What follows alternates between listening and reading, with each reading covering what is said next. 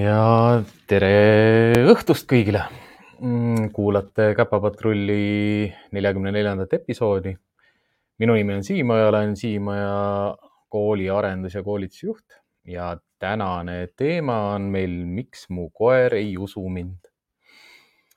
olen äh, selle teema täna valinud just sellepärast, et äh, ilmselt ma olen seda nagu edasi ka lükanud üsna palju ja ja ma arvan, et igal teisel äh, individuaalkohtumisel ma saan selle äh, lause või küsimuse nagu esitada ka inimesele endale, et miks sa arvad, miks su koer ei usu sind.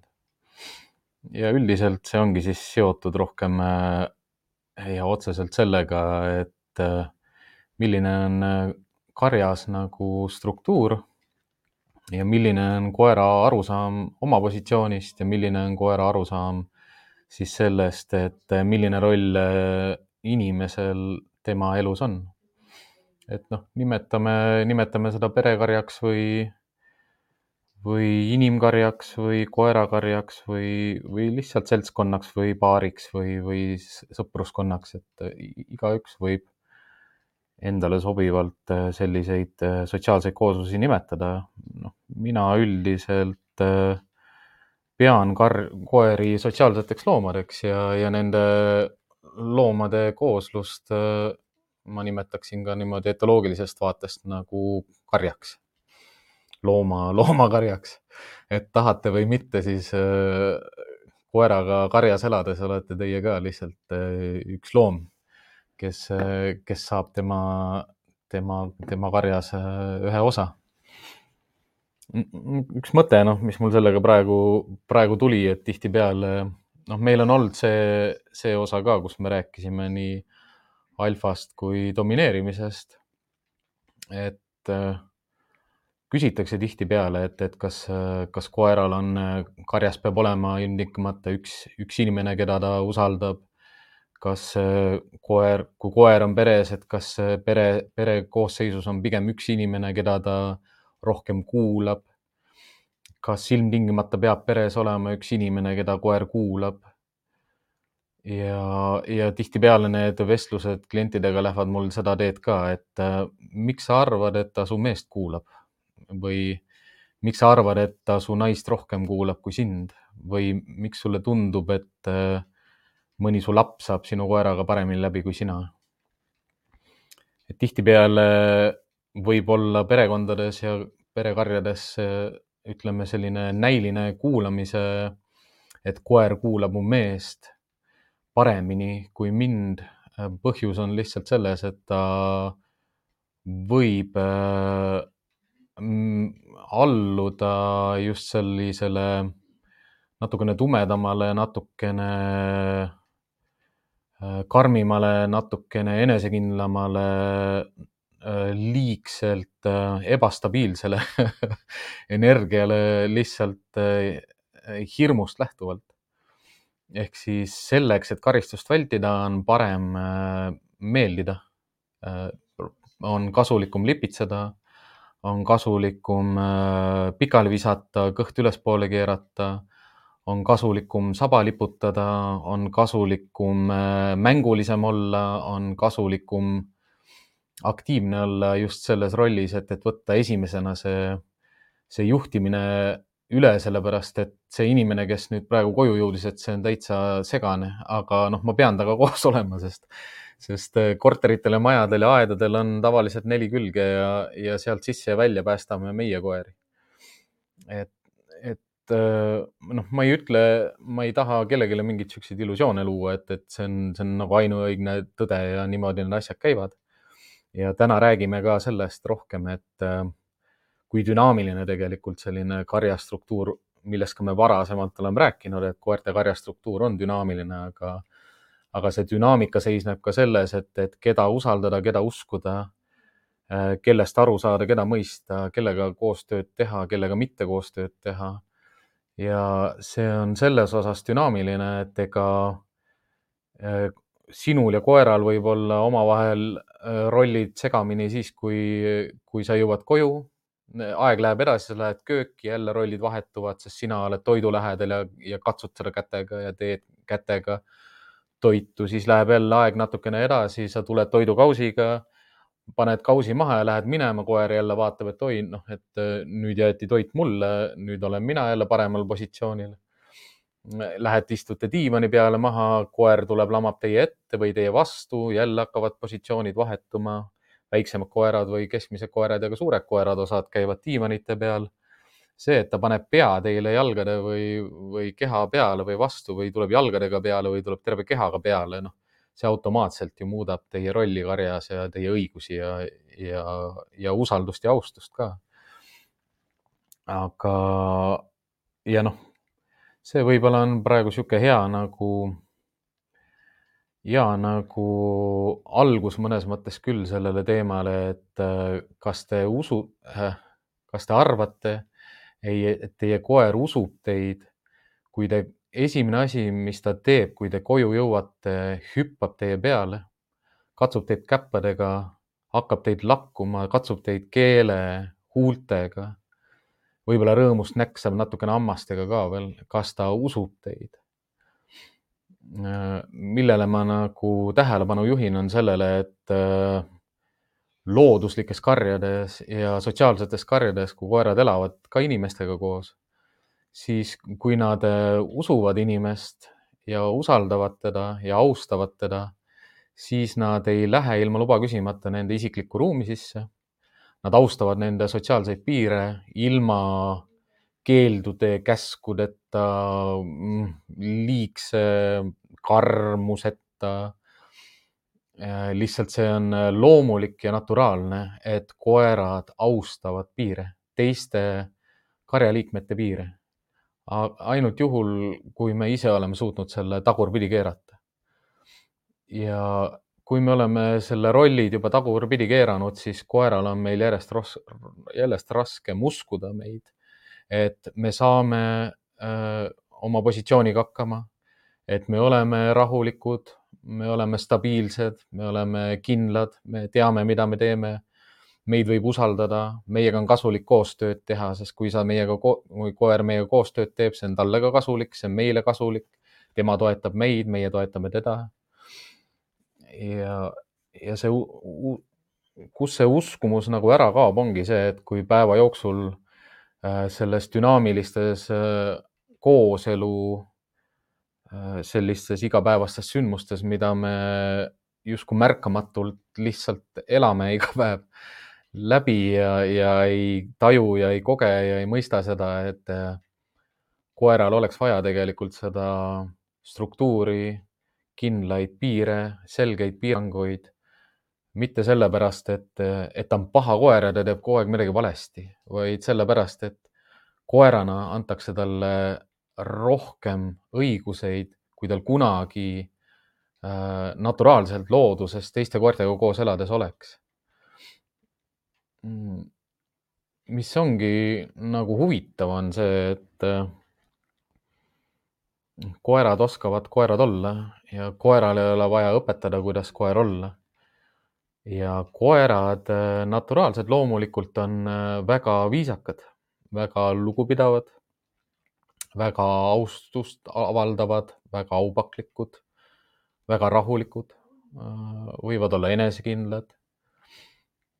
ja noh, sellepärast on ka see, et, et kui te, kui te energialt saate endale sellise juh-, noh, rahuliku ja enesekindla koera, siis temaga koos on palju lihtsam elada, kui te saate sellise, ütleme, energilise ja rõõmsa koera, noh, lõbusa, sellise äh, nagu Anu Saagim põhimõtteliselt, aga koer või siis te saate endale sellise koera, kes on äh, ärev äh,, reaktiivne, pidevalt valvel, et, noh, seal tulebki see usaldus ja uskumine.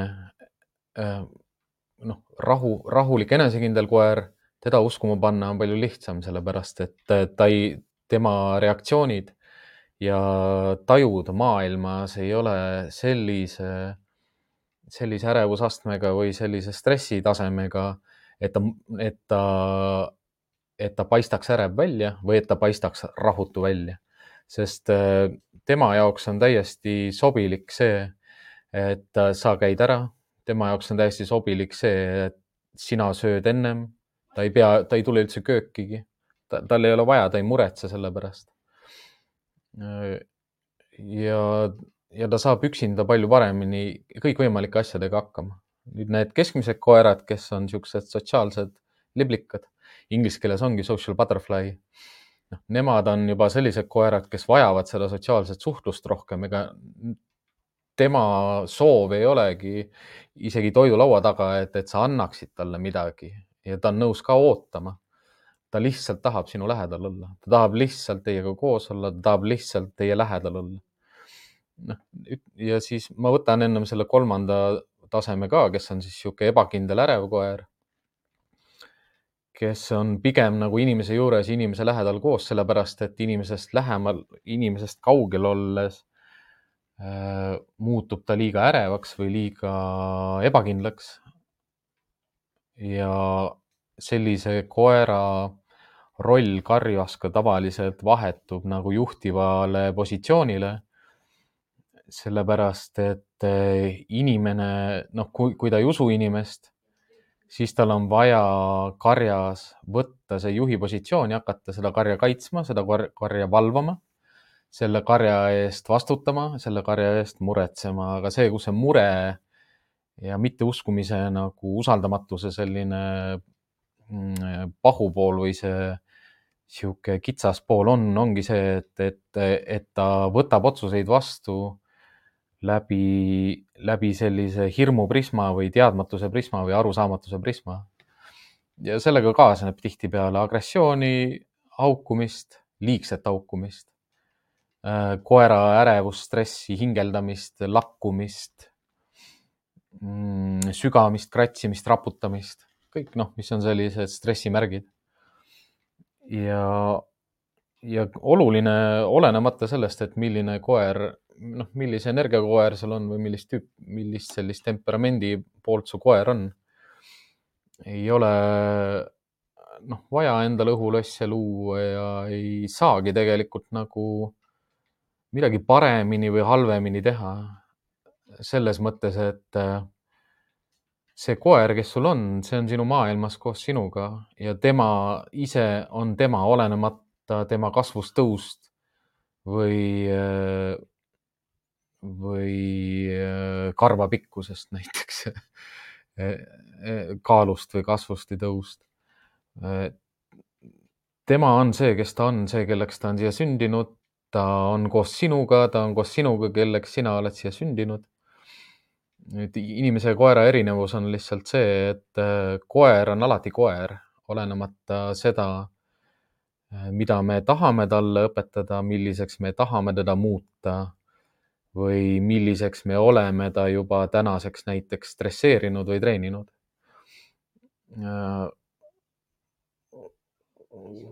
minimaalselt noh, mini, miinimumaeg, millal koer saab aru, et ta on koer jälle uuesti, ütleme, et kui inimesed on ta, kui ta ei usu inimesi, kui ta ei usalda inimesi, kui ta mm, ei tee koostööd inimestega, on nendega koos sellepärast, et ta on neile kasulik seda pöörata minimaalselt saab kahe päevaga.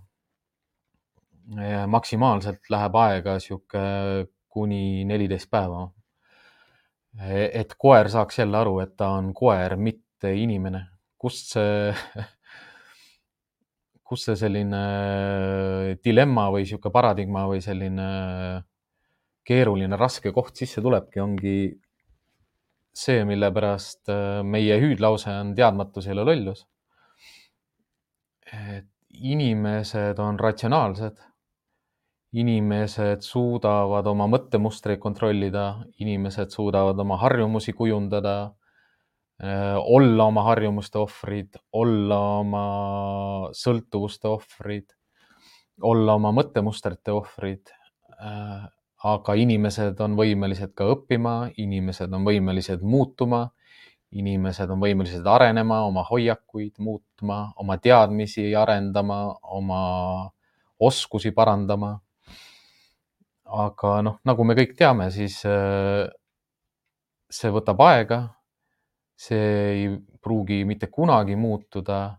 see võib paraneda, aga see ei pruugi saavutada siis noh, nii-öelda nagu oma sellist tipphetke või, või sellist eureka hetke, et kus, kus ma saan öelda, et ma olen nüüd valmis et ma nüüd tean kõike, ma oskan olla täpselt selliste mõttemustritega ja sellise olekuga ja sellise energiaga nagu, et, et kõik koerad mõistaksid mind ja et ma saan nendega koos olla ilma selleta, et neile liigset stressi või pinget äh, valmistada. et noh, koerad, kes on ärevad, jäävad elu lõpuni ärevaks ja neid saab aidata lihtsalt sellega, et sina oled rahulik ja enesekindel.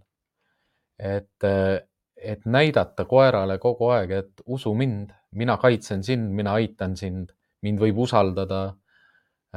minuga koos on kasulik, mitte kasulik olla, vaid minuga, ma olen lahke, ma jagan kõike, mis mul on ja täpselt nii palju kui vaja, et sul ei ole millekski puudust.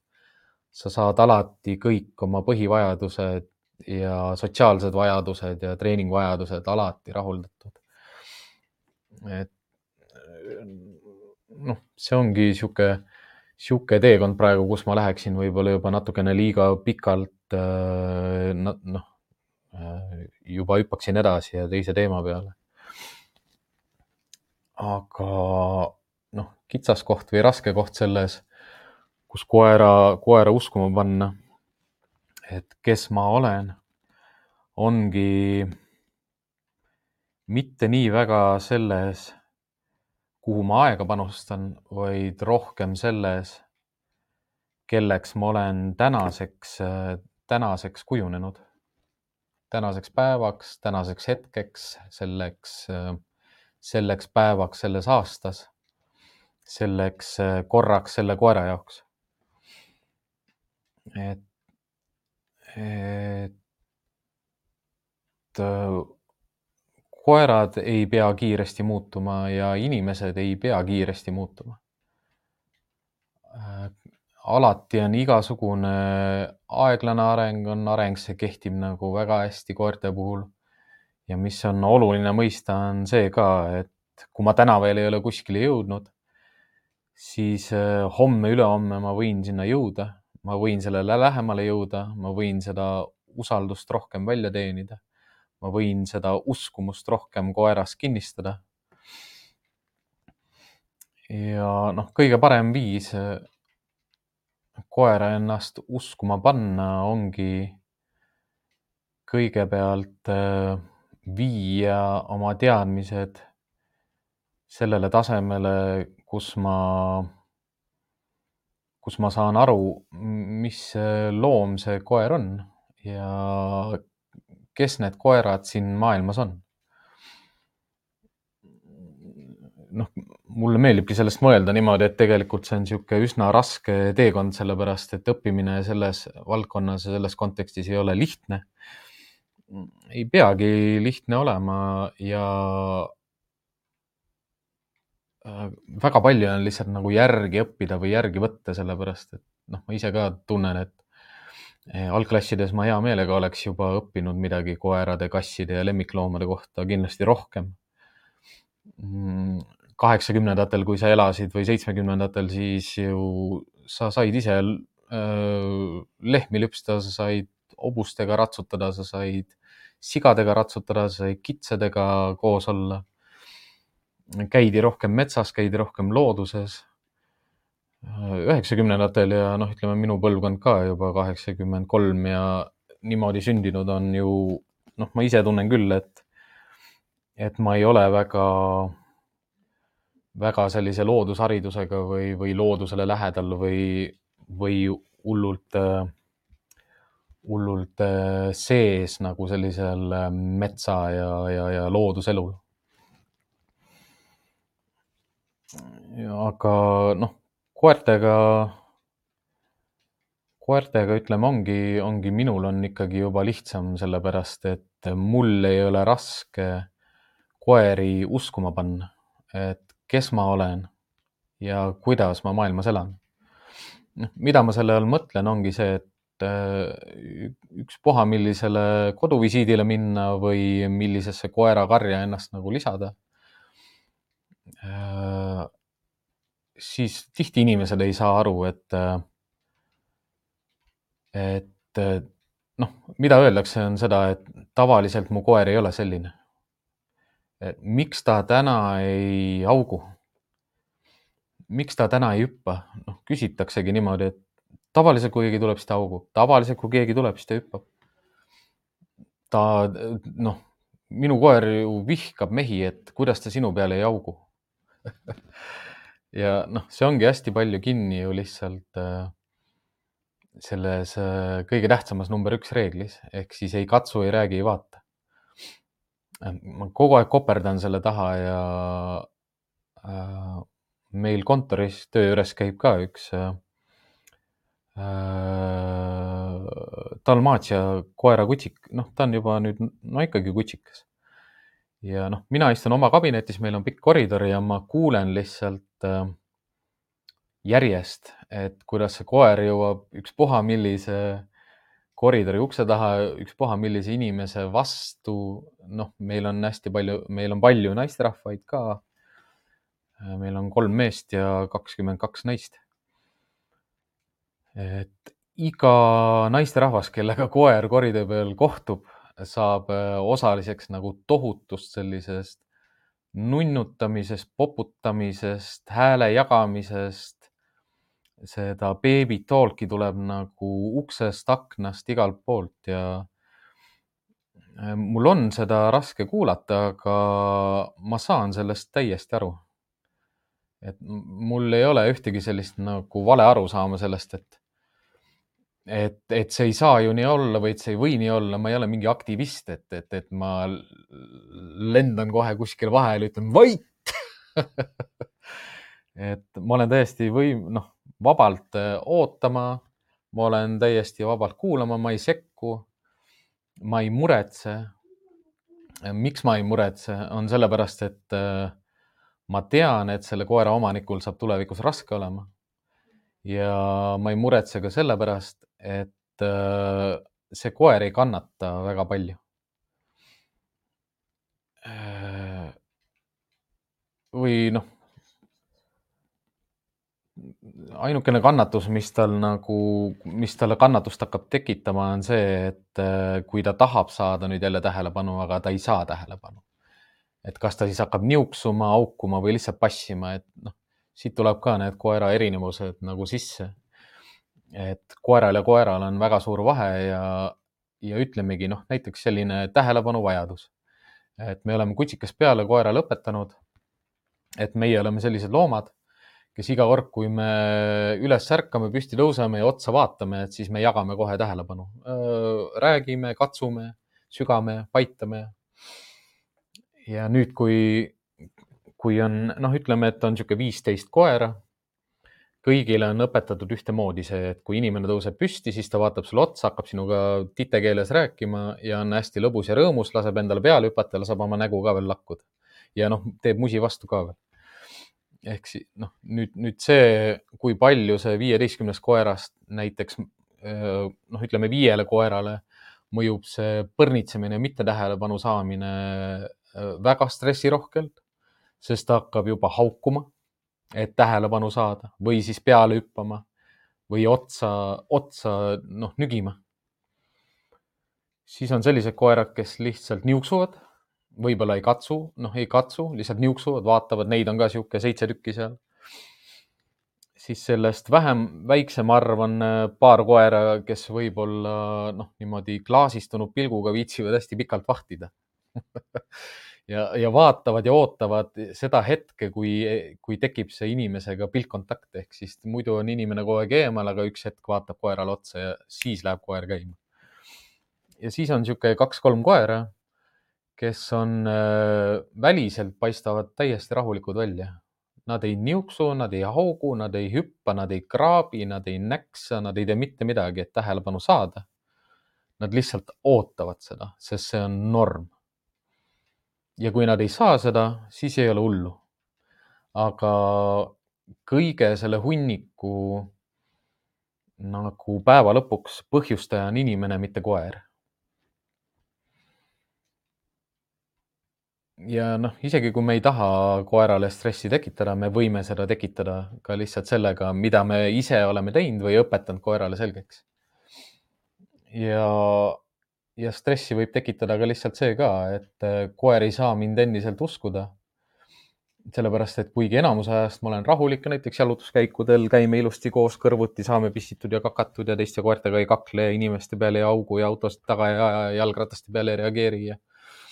aga toas millegipärast järsku see inimene muutub täiesti imelikuks.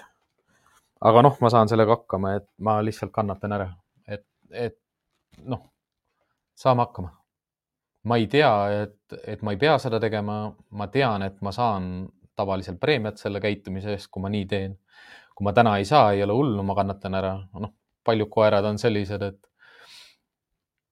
äh, noh, selle viieteistkümne koera hulgas ilmselt sellist koera ei ole, aga, aga noh, näiteks sellised koerad on ka olemas, kes noh, sulle tuleb külaline, sa räägid külalisega juttu, sa ei pööra koerale tähelepanu ja sa palud ka külalisel mitte koerale tähelepanu pöörata.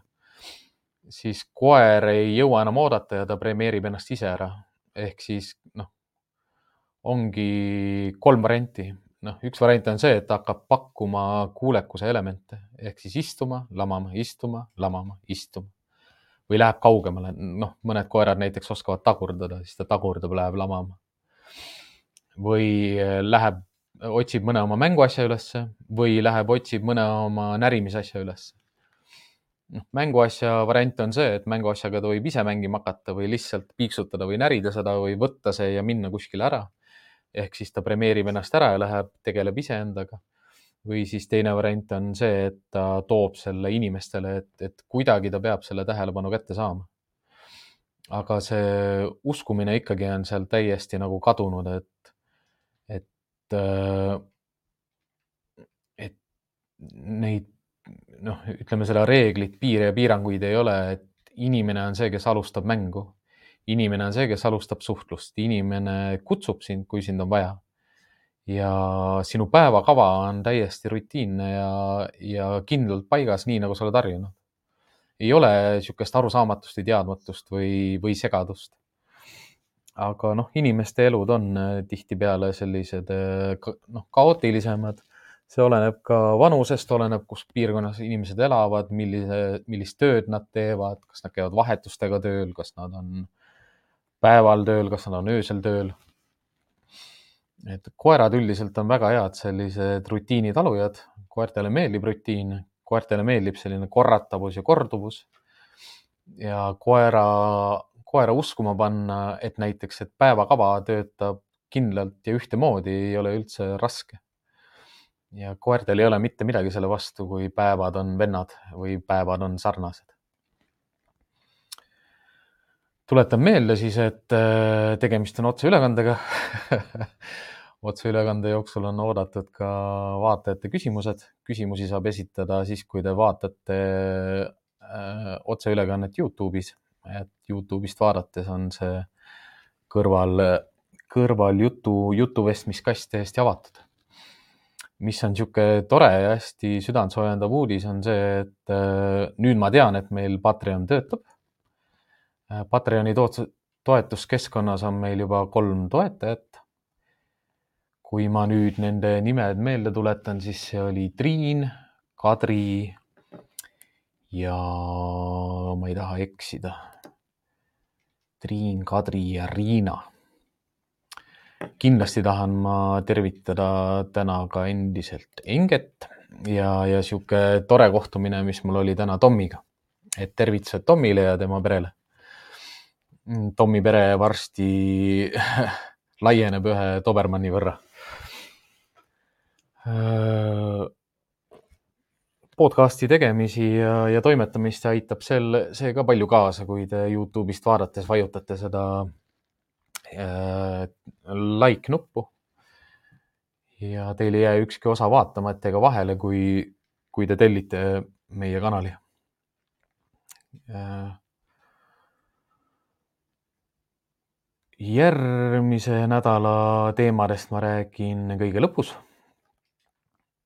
ja täna lähen ma edasi endiselt selle uskumise teemaga. ehk siis noh, minu jaoks äh, see, kus koer mind ei usu, on hästi tugevalt seotud sellega, kuidas me koos äh, väljas liigume. Äh, kuidas me koos väljas liigume ja mida me väljas koos olles teeme keda, keda väljas olles uskuda, keda usaldada, kellega võimalusel koostööd teha, kui see võimalus tekib, koostööd teha. mida ma selle all mõtlen, ongi noh, ütleme tihtipeale äh, ma ise ka räägin sellest, et äh, teenistuskoertel on äh, kõige õnnelikum elu üldse. noh, kui, kui koer on sündinud siia maailma ja tal õnnestub olla just see koer, kes valitakse teenistuskoeraks. teenistuskoer võib olla siis, on abikoer, on teraapiakoerad ja on politseikoerad ja ütleme, politseikoer, pommikoer, et see jäljekoer, et noh, see on kõik selline avalik teenistus. Need koerad on õnnelikud ja, ja kõige õnnelikumad sellepärast, et neil on äh, töö, nad saavad iga päev midagi teha. oluline on teenistuskoertele õpetada seda, et millal on vaja tööd teha ja millal ei ole vaja tööd teha ja seda teavad ilmselt jahimehed ka, et et jahikoertel on äh, täpselt sama, sama selline äh, filosoofiline või metodoloogiline lähenemine, et, et ka jahikoer peab teadma, millal on vaja tööd teha ja millal ei ole vaja tööd teha. Kuidas öeldakse, et nüüd on aeg tööd teha ja kuidas öeldakse, et praegu ei tehta tööd. nüüd see kitsaskoht, mis on siis jah, kui, kui, kui teil ei ole koera, kes teeb tööd või kellel on töö või kellel on kindel roll või, või töö maailmas ongi see, et äh, kõikidele kodukoertele on ka hea tööd pakkuda või tööd anda. sest äh, töö tegemine on äh, inimese jaoks töö tegemine või inimesega koos töö tegemine on ka selline võimalus panna koer uskuma. noh, mul tuli sellega meelde see, et üks viis veel, kuidas koera saab uskuma panna, on näiteks rattasõit. Äh, koerad ei tea, mis asi on ratas. Koerad ei tea, et, et tänapäeval on ka käikudega rattaid, koerad ei tea, et, et kui sa väntad, et siis äh, äh, rattad käivad kiiremini ringi, suurema amplituudiga ja sa veered palju kergemini edasi. mida koerad näevad, on see, et sa liigud kiiresti ja koerad näevad ja koerad tajuvad ka seda, et, et sa oled päris vastupidav. et noh, koera krossi jooksuga tegeledes, siis krossi jooks ei ole selline, kus koer väga palju sind usub. sest äh, koerast, noh, koerast kiiremini ja koerast paremini inimene ei jookse. jah, ma tean, et äh, krossi võistlustel võib minna nii ka, et inimene lõpus veab koera järgi, sest koer enam ei jõua, aga noh, see on juba selline vastupidavuse küsimus ma ise olen koera, mõlema oma teenistuskoeraga olen käinud Scoutsrännakul. Ja seda ma tean kindlasti, et et seal ikka koerad vedasid mind üle, üle joone, mitte, mitte mina koeri. ja noh, mis kõige huvitavam oligi, et selle kolmekümne kilomeetri lõpus ikkagi Äh, noh, kuna me läksime jälle selle treileri juurde ja treileris on mänguasjad ja koer teab, et treileri juures juhtuvad head asjad, siis noh, tema oli valmis mängima pärast seda kolmekümmet kilomeetrit, mina olin, mul olid jalad paistes villis ja ümmargused ja et sealt ei, sealt ei oleks midagi tulnud, aga noh, ütleme, et see on ikkagi usalduse sellise koha pealt niisugune hästi hea koostöö väljakutse, et et see koos läbi teha, aga, aga sellest on rohkem kasu inimesele kui koerale. kus on hea nagu koeri ära lollitada, on äh, ujumine. Sest äh, koerad ujuvad kogu aeg, kui nad on vees või noh, kui nad, nende käpad on vees, see on lihtsalt reaktsioon. on ka selliseid koeri, et noh, kui ma paneks talle näiteks ujumisvesti selga, siis ta lihtsalt ulbib seal vee peal hea meelega aga sellised energilised ja, ja vastupidavad ja, ja tugevad koerad, et neid saab, neid mina ujutan tavaliselt jah, vestiga. Ja kui rihm külge panna, siis, siis sisuliselt saab teha sellist efekti, nagu on hobuse jooksutamine aedikus. hobuse jooksutamise mõte on ka tegelikult hobuse juhtimine. ja noh, väsitamine ja treenimine ja, ja dressuur, aga noh, ütleme selliste, selliste probleemsemate ja murekoertega tegelemisel on, on vee kasutamine suvisel ajal nagu väga hea, sest äh, sina oled vees ja koer on vees, tema väsib, aga sina ei väsi ja lõpuks sina juhid ta välja ja sina juhid ta ka vette sisse, et sealt tuleb väga palju sellist äh, ühelt poolt ka usaldust, sest sa aitad teda, kui tal on raske ja teiselt poolt uskumist, et sina ei väsi vees ära, aga tema väsib. mis annab sulle sellise rolli, kus sa oled, noh, sina oled vastupidev ja kestvam kui tema. tuled välja, sa ei hingelda, su pulss ei ole kõrge sa oled palju rahulikum, tema ei ole, ta saabki sinust sellist tuge, et sina oled rahulik ja enesekindel. ja kui ma, nojah, nüüd tuli ka veel kolmas asi meelde, ehk siis ratas ja jooksulint. jooksulindiga mulle meeldib teha seda, et, et äh, ma ei jäta koera kunagi üksinda lindi peale jooksma. ja ma seisan alati koera kõrval, ma seisan koera kõrval selle koha peal, kus äh, nad teavad, et, et sa oled juhtival positsioonil ehk siis koera rinnak ei tohi olla sinu põlvedest eespool, ehk siis kui sa jooksulindi kõrval seisad, siis sa seisad koerast nii palju eespool, et su põlved on koerast eespool. tema jookseb su kõrval, maapind, maapind hämmastaval kombel liigub, koer peab jooksma. sina oled seal kõrval rahulik, pulss on korras, ei hingelda, süda töötab rahulikult ja koer väsib jälle. jalgrattaga on, on, on natukene teistmoodi see, et, et ikkagi sellised tõusud ja pikemad sõidud panevad ka inimese keha rohkem stressiolukorda. noh, ütleme, et selline pingutus on alati keha jaoks stress.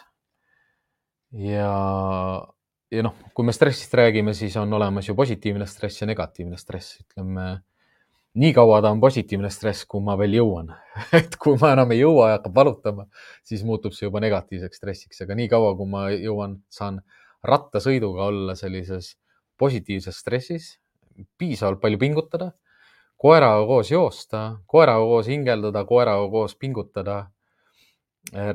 reegel on, on seal sama, et ta võiks tegelikult joosta kõrval kui eesmärk on koera vastupidavust parandada ja koerale meeldib vedada, siis äh, panna talle traksid selga ja lastagi tal rattaga vedada. aga kui eesmärk on selline koos liikumine, koos äh, struktuuris liikumine, siis joosta kaelarihmaga ja sellepärast ka, et oleks koera parem kontrollida äh, tänaval võib vastu tulla erinevaid teisi koeri, võib tulla ootamatusi, võib tulla inimesi et noh, mina jooksen alati kõikide koertega treeningrihmaga. Äh, just sellepärast, et nad ka ei veaks, vaid lihtsalt jookseksid lõdarihmaga. ja mis sellega saab, ongi see, et jällegi sellised koerad, kellel on kõrgem energiatase, kes on vastupidavamad, kes on heas füüsilises vormis. Mm, nendega ma teen alati niimoodi, et ma lähen õue, ma jalutan nad soojaks ehk siis ma ei hakka kohe rattaga sõitma. ma jalutan nende lihased ja liigesed soojaks, et nad saaksid natukene liikuda ja venitada ja siis ma lähen rattaga sõitma just sellise eesmärgiga, et talt energia ära võtta ja teiseks võita tema austust, austust ja usaldust. ja et anda talle üks teadmine veel endast juurde, et usu mind, ma jõuan rohkem. usu mind, mina jõuan rohkem osadele koertele on hea selliseid, selliseid äh, elulisi õppetunde nagu anda. et äh, vahest me lähme väga pikale jalutuskäigule, et ära tõmba ja vea nii palju, hoia oma energiat, sest sa ei tea, kui kaua me jalutame. on hea minna mägis, noh, Eesti ja mäed, eks jah, aga noh, ütleme ikkagi ebatasasele pinnale jalutama, liiva peale jalutama Äh, veetakistused, kraavid näiteks äh, või mõned siuksed mäkketõusud või vaatetornid, noh, üles ronimine, alla tulemine, üles ronimine, alla tulemine. on ka head sellised võimalused koerale tõestada ka seda, et kui mina lähen kodust välja ja hakkan kuskil suunas minema, siis ma jõuan alati koju tagasi, usu mind. usu mind, et ma jõuan koju tagasi. Noh, kui te teete niisuguseid lühikesi ringe, kui te teete jalutuskäiku kogu aeg ühte samasse kohta, ühte sama, ühes samas keskkonnas, siis ta ei pruugi nii kindlalt kinnistuda ära see, et, et ta usaldab teid rajaleidjana või sellise kojutoojana kui te tahate veel selliseid nagu usu mind väljakutseid koerale anda, siis ongi üks hea variant on ka mäng ja mängimine koeraga. Miks äh, alati, alati iga koeraga ma ei anna koduseks ülesandeks äh, mänguülesandeid väga palju. ja tihtipeale paljude koertega saab lihtsalt jalutuskäiguga hakkama, ma tean, et inimene niikuinii mängib temaga või noh, midagi tegeleb, kasvõi sotsiaalselt koos suhtlevad ja, ja tegutsevad koos mingite asjadega.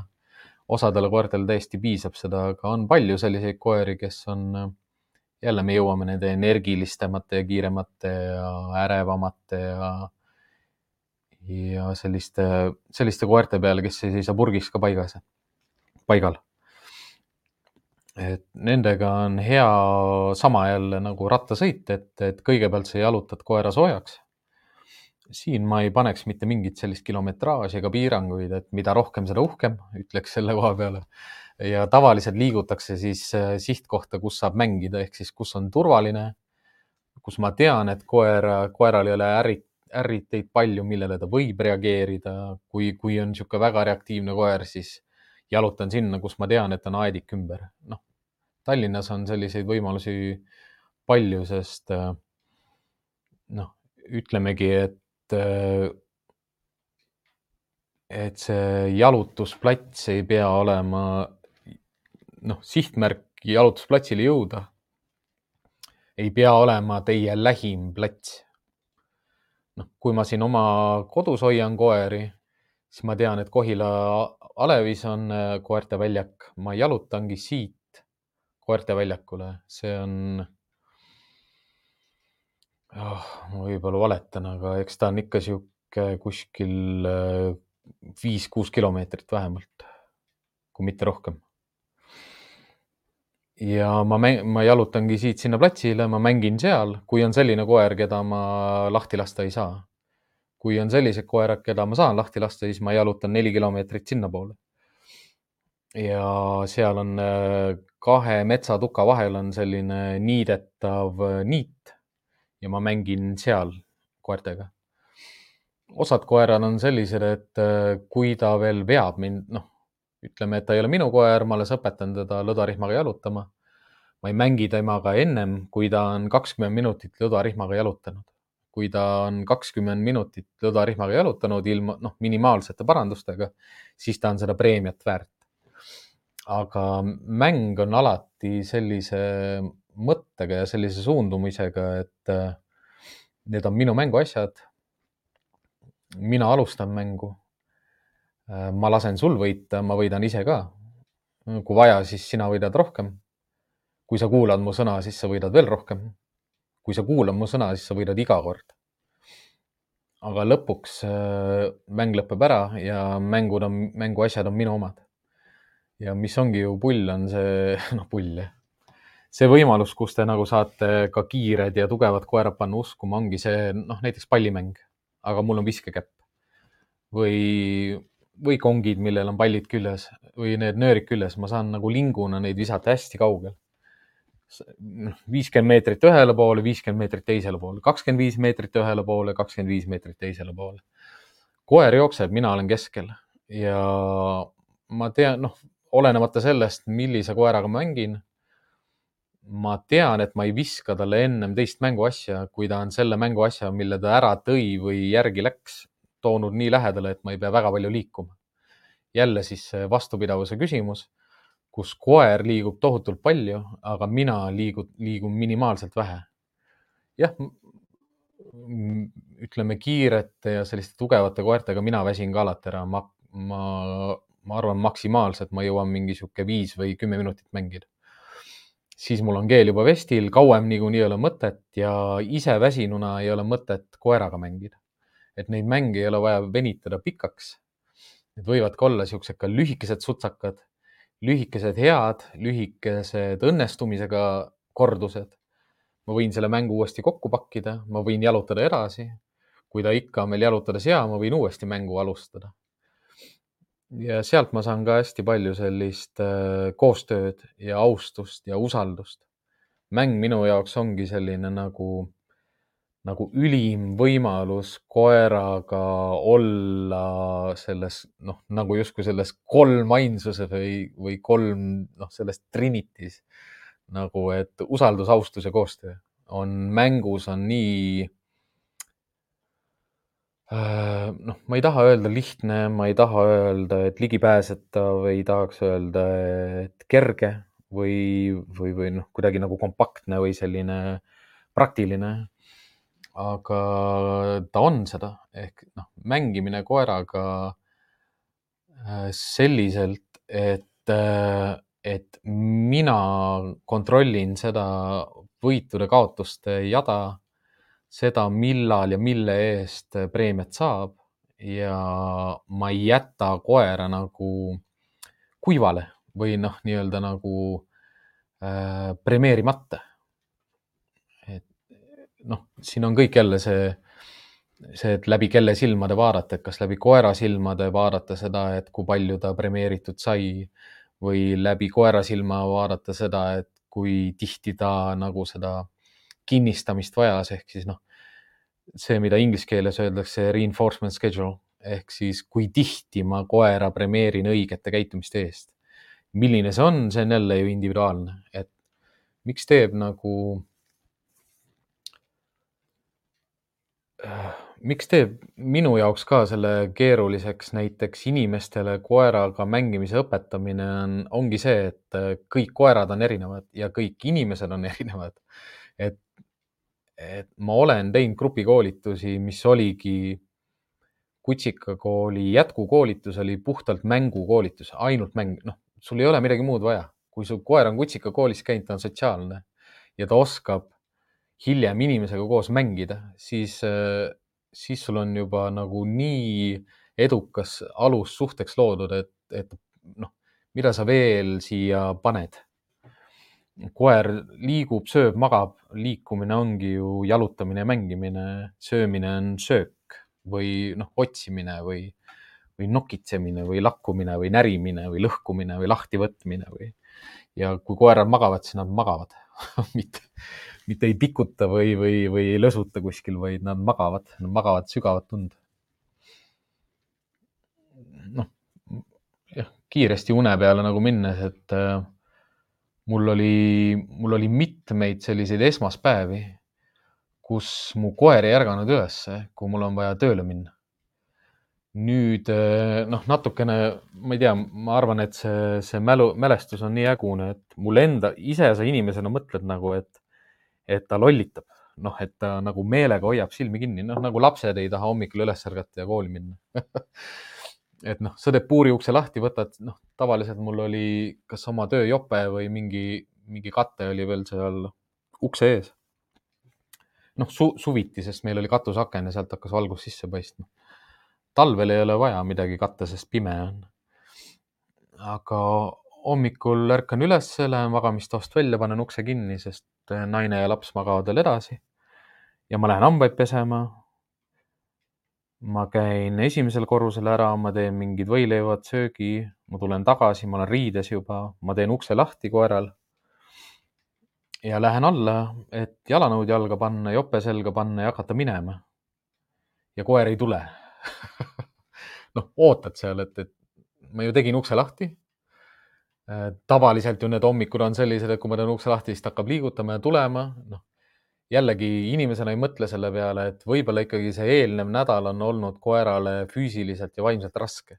ehk siis ta ongi reaalselt nagu väsin, rampväsinud, sest noh, kui on teenistuskoerte koolis on äh, need kursused, siis ma ei mäleta, kas, kas teisipäev ja neljapäev olid spordipäevad. spordipäev tähendab seda, et hommikul on jooks koeraga, kõik koerad koos. kes ei jõua joosta, sõidab rattaga kes ei jõua rat-, kes ei sõida rattaga ega jõua joosta, see kõnnib sama maa. ja sa ei saagi aru niimoodi, et, et koera need päevad võivad olla erinevad ja ta ei, ta ei ärkagi hommikul üles, sellepärast et ta magab. noh, kell on, kell on võib-olla jah, mingi sihuke kuus, pool seitse võib-olla isegi pool kuus, ma ei mäleta, mis kell ma tööle pidin minema, pidin rongiga minema, kaheksa viisteist hakkab tööpäev, ma arvan küll, et ma ärkasin üsna vara.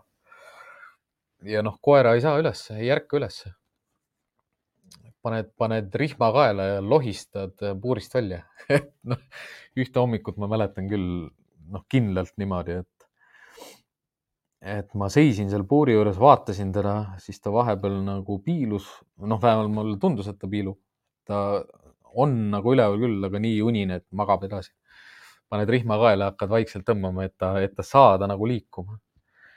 ja noh, seda enam nagu raske ka pärast, et, et kui ma muidu saan rahulikult rattaga rongi peale minna niimoodi, et ma ei lase koertel liigselt pingutada, siis sellistel hommikutel, noh, see koera aeg, mida ma ise ka tean, ega noh, ma olen ka rongist maha jäänud niimoodi sest ma pean väljast veel teise koera võtma, noh, üks koer oli mul toas, teine koer oli mul õues aedikus.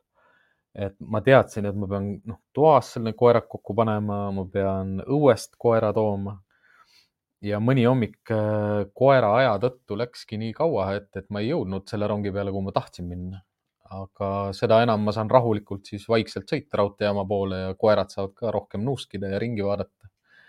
et koerad ei olnud mul rihmas, kui ma tööle läksin. et kui ma hommikul, äh, esmaspäeva hommikuti tööle hakkasin minema, siis tavaliselt ma läksin autoga ka, päris tihti ma läksin autoga. aga kui autoga ei läinud, siis, siis läksime jooksuga kõik koos, kolmekesi. mina sõitsin rattaga ja nemad sõi-, jooksevad mu kõrval, noh, sama, et nad võivad maha jääda. vahest nad pissivad, vahest nad kakavad, vahest nad nuusivad midagi nad jäävad maha ja küll nad järgi, järgi jooksevad. vahest noh, üsna harva, kui koerad nagu kaotavad, kaotavad selle pilkkontakti. aga mida ma sellega väga palju õppisingi äh, just teenistuskoertega niimoodi maailmas vabalt ringi liikudes, noh, nad ei olnud mul rihmas peaaegu mitte kunagi mul olid rihmad kaasas alati, rihmad olid kaasas teiste inimeste pärast ja teiste koerte pärast. minu koerad ei ründa teisi koeri. mu koerad ei, nad küsivad minu käest ennem, kui nad midagi teevad, sest nad usuvad mind. ja see uskumus, uskumus, usaldus, austus ja koostöö, mida, mida sa tekitad sinna, ei ole kuidagi seotud sellega, et ma olen mingi äh, karm äh, putukas või et noh, ainult kogu aeg ainult võidan ja kogu aeg ainult juhin ja kogu aeg otsustan ja piiran ja, ja keelan ja et, et kui sa koeraga elad äh, niimoodi, et ta usub sind, kus sa ei devalveeri oma austust ja usaldust enda vastu ja koostöövajadust, ehk siis asjad ei juhtu niisama, noh, sa pead tegema midagi, et saada, saada midagi. Äh, sa tead ju, kus, kus sa võid olla, kus sa ei või olla, millal sina sööd, kus sa sööd, palju sööd, kes sulle süüa annab, kelle juures sa elad, kelle, kelle omad on mänguasjad.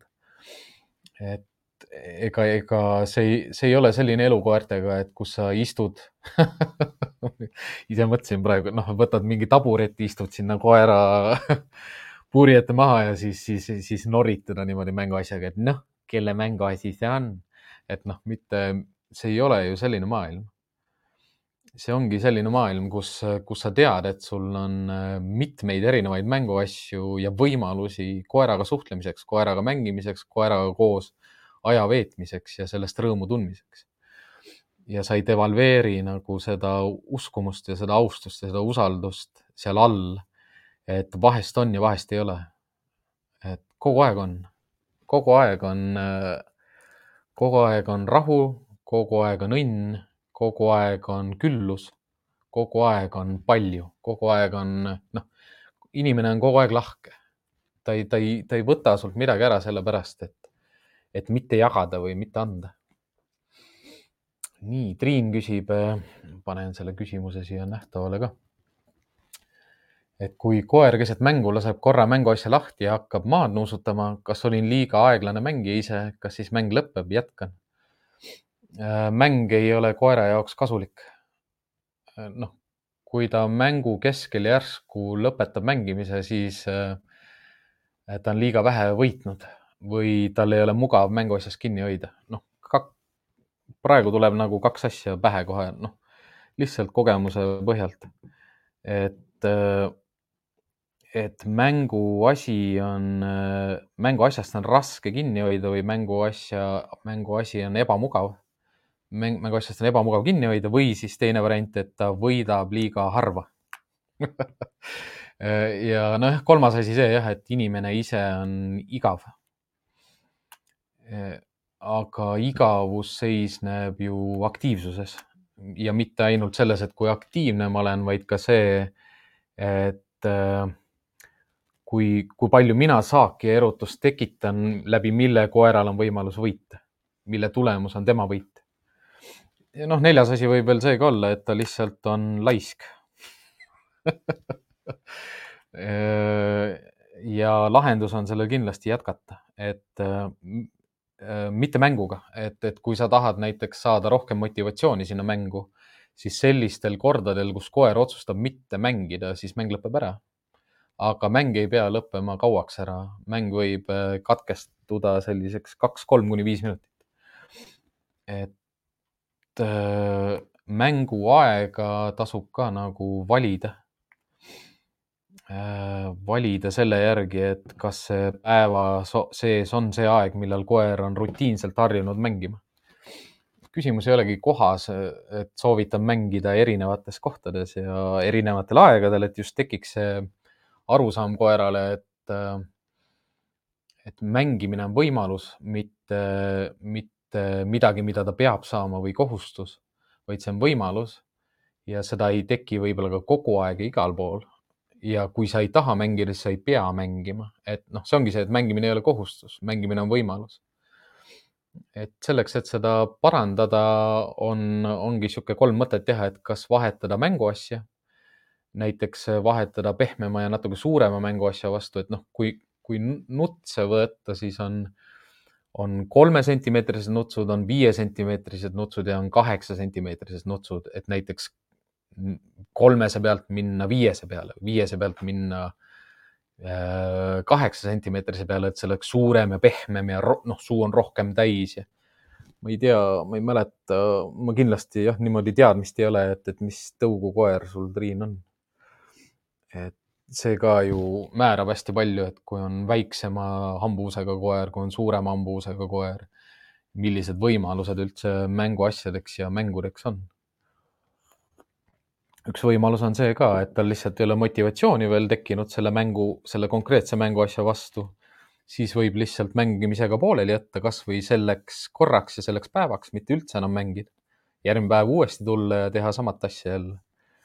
et küsimus ongi selles, et äh, mis on motiveerivam, kas äh, ringi nuuskimine või minuga mängimine ehk siis selle võimaluse ärakasutamine, et saab mängida mängu lõpetaksin selle küsimuse põhjal, jah, selleks korraks ma lõpetaksin mängu äh, paariks minutiks ära. prooviksin kahe-kolme minuti pärast uuesti teda kutsuda enda poole, ise liikuda, joosta ringi ja teha see mänguasi huvitavaks.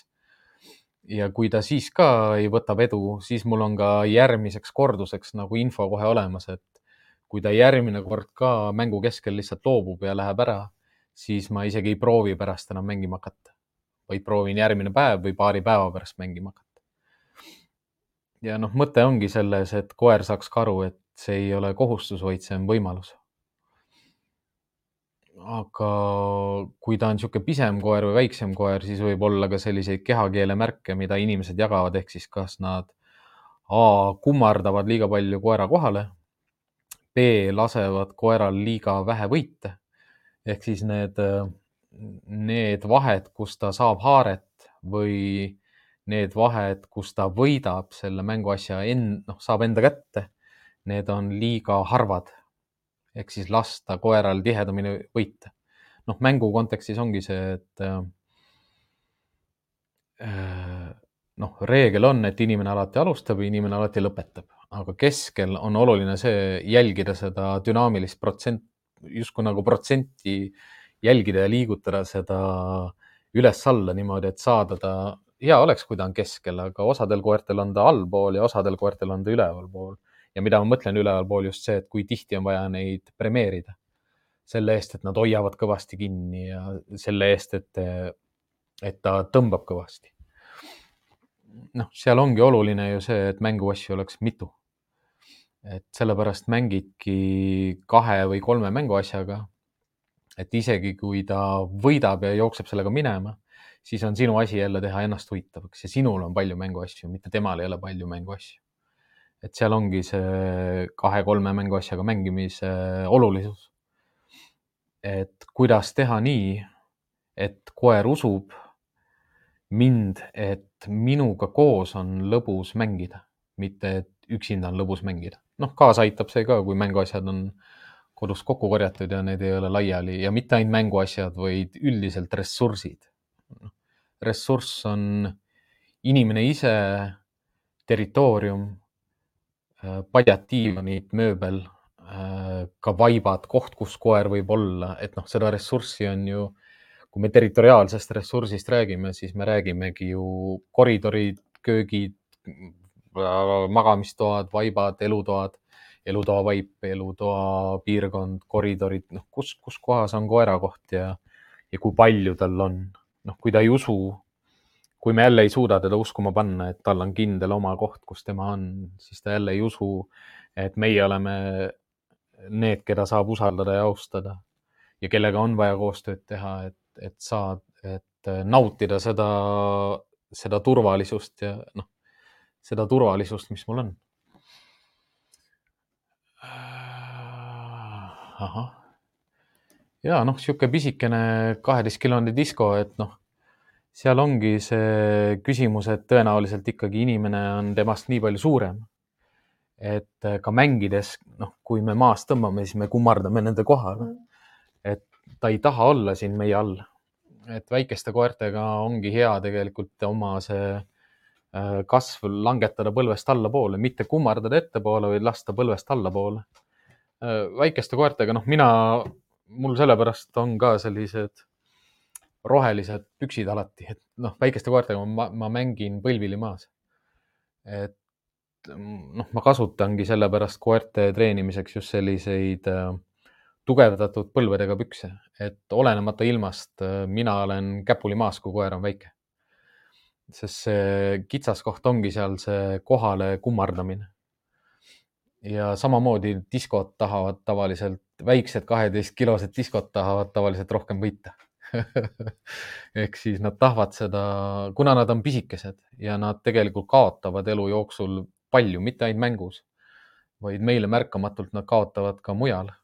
Noh, me tõstame neid ja, ja tassime neid ja, ja lükkame ära ja paneme peale ja võtame välja ja noh, nad kaotavad hästi palju sellist otsustusvõimet ja ise, iseolemist ja enesekindlust sellega, et nende eest tehakse palju asju ära, ei lasta ja ei lubata ja võetakse ja pannakse. et neil on hea, kui nad mängu, nad tahavad mäng, nad tahavad kuskil vähemalt midagi nagu saada ja kui mängus ka ei saa, noh, pagan küll. Äh, kihvt on, ega noh, ütleme sihuke, mis on koerte puhul oluline selle uskumuse tekitamise juures ka on see, et, et usu mind, ma olen lahke ja usu mind, mul on äh, palju seda ta ei tea, kus sa seda ostad, seda ta ei tea, kus sa seda hoiad, seda ta ei tea, kui palju sul mänguasju on. Äh, noh, ei saa, ei saa salata ka, ega mul on olnud perioode teenistuskoertega, kus mul on ühte ja samat mänguasja kuus tükki. Ja kuus tükki just sellepärast, et äh, Äh, neile mahub vahepeal, noh, kui sul on niisugune neljakümne viie kilone, noh, kolmekümne viie, neljakümne kilone koer, et siis talle vahest mahub kolm palli ka korraga suhu ja noh, nutsudega on täpselt sama, et, et ma olen näinud oma koera niimoodi, et tal on kolm nutsu suus, noh, ta saab nendest sangadest kinni võtta ja siis haarata veel maast nagu juurde. See on see hetk, kui ikkagi sinul peab olema jälle midagi, mis liigub huvitavamalt kui see, mis temal hammaste vahel paigal seisab. ja see motivatsioon äh, ongi tegelikult selline tants, tantsu, äh, noh, kuna koerte paljusid selliseid sotsiaalseid käitumisi võib ka vaadata nagu tantsude või tantsumustritega. et äh, selle mängu tantsu nagu kasulikuks tegemine mõlemale osapoolele ongi selline nagu, nagu valsisammu või tango või noh, ükspuha mis tantsu õppimine, et sa pead äh, harjutama, et saada meistriks, et saada oskuslikuks, et see muutuks nagu äh, loomulikuks ja naturaalseks niimoodi, et sa ei pea liiga palju mõtlema, mida sa teed. ja noh, koer jälgib ju inimesi hästi tähelepanelikult kuidas nad liiguvad, mis nende, kuhu nad vaatavad, milline nende peaasend on, kuidas nad lõhnavad, äh, mis häält nad teevad, et koerad ju jälgivad seda väga palju ja ja mäng, mängu, mängu sellised oskused ongi, ma ei tea, kas, kas äkki isegi naisterahvastel nagu raskemad tulema sest noh, ma olen käinud äh, isegi, ma olen, ma olen koerte koolitajaid koolitanud äh, mängima. just selle, ma olen teenistuskoera juhte ka mängima õpetanud koertega. et ega mängimine koeraga ei ole alati nii, noh, nii üks-ühele, nii otsekohene, nii ühtemoodi, nii, nii sarnaselt lähenetav ühele koerale. et noh mängu, mängu ja mängureeglite osades olen, olen puudutanud palju erinevaid selliseid äh, nippe ja, ja, ja, ja asjaolusid, mis mängus nagu on. aga selleks, et koer panna uskuma, et sa oled hea mängija, et noh, kus see seos jälle tekib, on see, et äh, koerte karjades ei ole juhtival kohal äh, kõige agressiivsem ja kõige tugevam koer, vaid koerte karjades on juhtival kohal kõige mängulisem koer ehk siis, kes oskab kõige paremini teiste koertega mängida. noh, emased koerad tihtipeale ka lollitavad ära, emased koerad ka tihtipeale lipitsevad ära aga emased koerad on ka need, kes alustavad mängu ja kes kutsuvad mängima ja kes ka peavad oskama mängida, et kui, kui emane juhtiv koer oskab mängida, siis tal on karja, karja väga äh, kindel juhtida, enesekindel juhtida.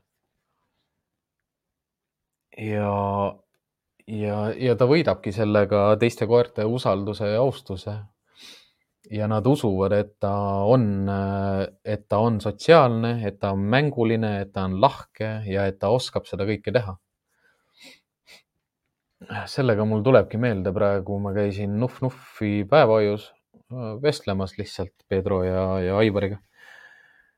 ja seal see, saab seista nagu ühe niisuguse puki peal ja üle selle ääre vaadata, mida koerad teevad. noh, mitte et, mitte et, et et, et ma ei võiks sinna koera karja sisse minna, aga vahest noh, vahest seisad seal ja vaatad ka, noh, koeri on nii kihvt vaadata. ja seal karjas on üks koer, kes on seal päris pikalt käinud. ja noh, seal on mitmeid selliseid koeri, keda ma olen juba mitu korda näinud ja, ja järjest rohkem ja järjest tihedamini saad seda kinnitust ja seda veendumust, et see on õige, see on see, mida on vaja teha, see on see, mis Eestist on puudu, see, seal ju teised, seal koerad õpetavad teisi koeri ja üks koer, kes on absoluutselt nagu kolmel korral vähemalt, kui ma olen seal käima, mäletan, kui ma esimest korda sinna läksin, siis kui nad veel seal väikses osas olid, siis see koer haukus ja hüppas ja haukus ja hüppas ja ta oli hästi niisugune närviline ja energiline ja siis teist korda läksin, siis ta oli, siis juba teadsin, et see on see koer.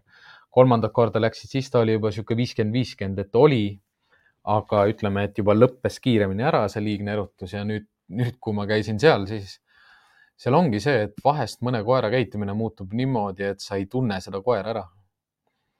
ehk siis ta käitumine on nii palju muutunud, et sa ei noh, niimoodi nagu pilguga seda koerte karja vaadates ei erista teda sellest massist, sest ta on teistsugune oma käitumiselt, ta näeb täpselt samasugune välja, ta karva, karvkate on samasugune, ta kehakuju on samasugune, ta kasv on samasugune, aga ta käitumine, üldi, üldine käitumis, üldine kehakeel on täiesti teistsugune.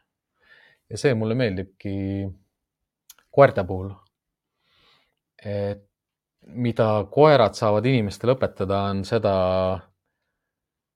et äh, muutumine on võimalik ja see võtab aega ja pingutust. aga see juhtub, noh, see, see saab olema, see, see juhtub kindlasti. Äh, lihtsalt ongi seda aega vaja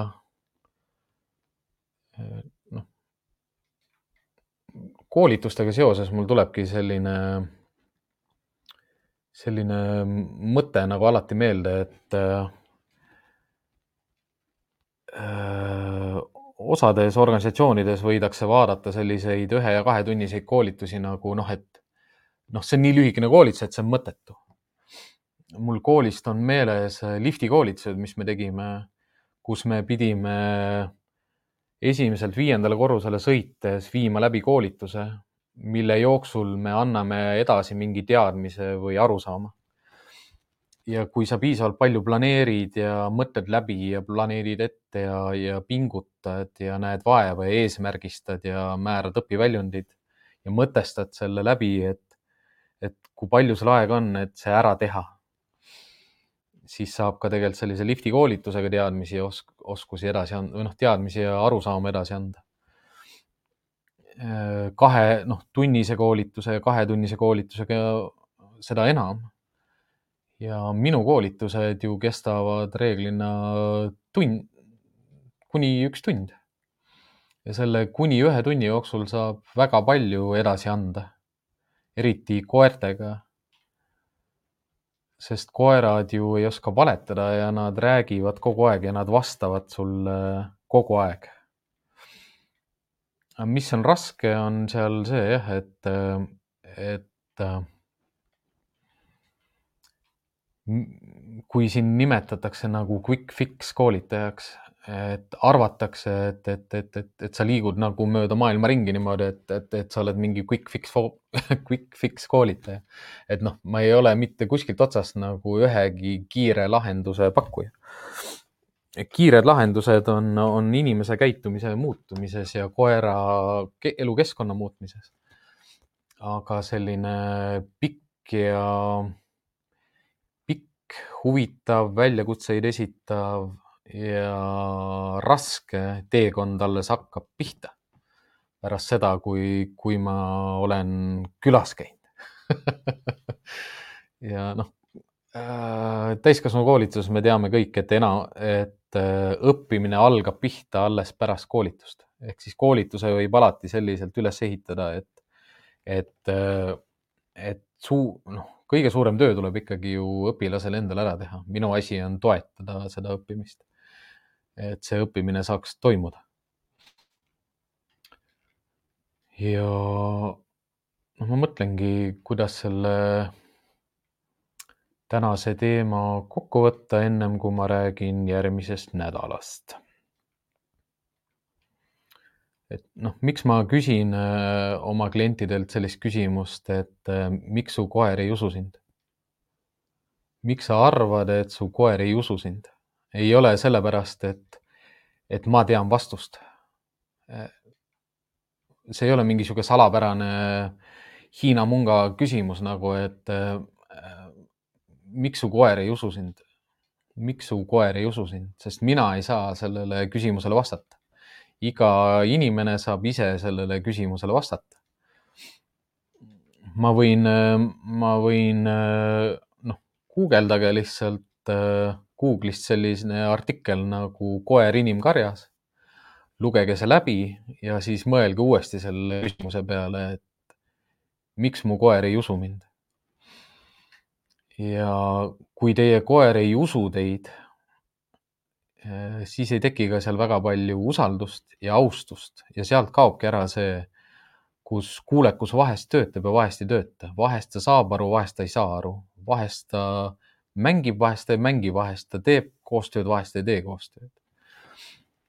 et kui, kui koera käitumises on ikkagi palju selliseid mustreid sees nagu, kus on mustvalget liiga palju, siis ei ole saavutatud veel selles suhtes nagu tasakaalu ja, ja koostööd, usaldust, uskumist ja austust et tasub selle nimel töötada ja selle nimel saab tööd teha iga päev. Iga minut, iga tund, iga aasta, iga dekaad või iga kümnend. iga sajand mitte, sest koerte eluiga ei ole nii pikk.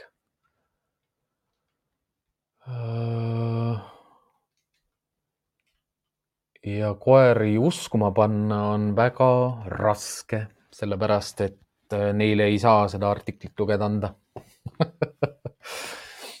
et noh, see ongi see, mis selle quick fix'i lõpetab kohe ära ja algab see grind pihta ehk siis äh, mõtestamine, mõtlemine, mõttemustrite ümberkujundamine, käitumiste ümberkujundamine, iseenda käitumise ümberkujundamine.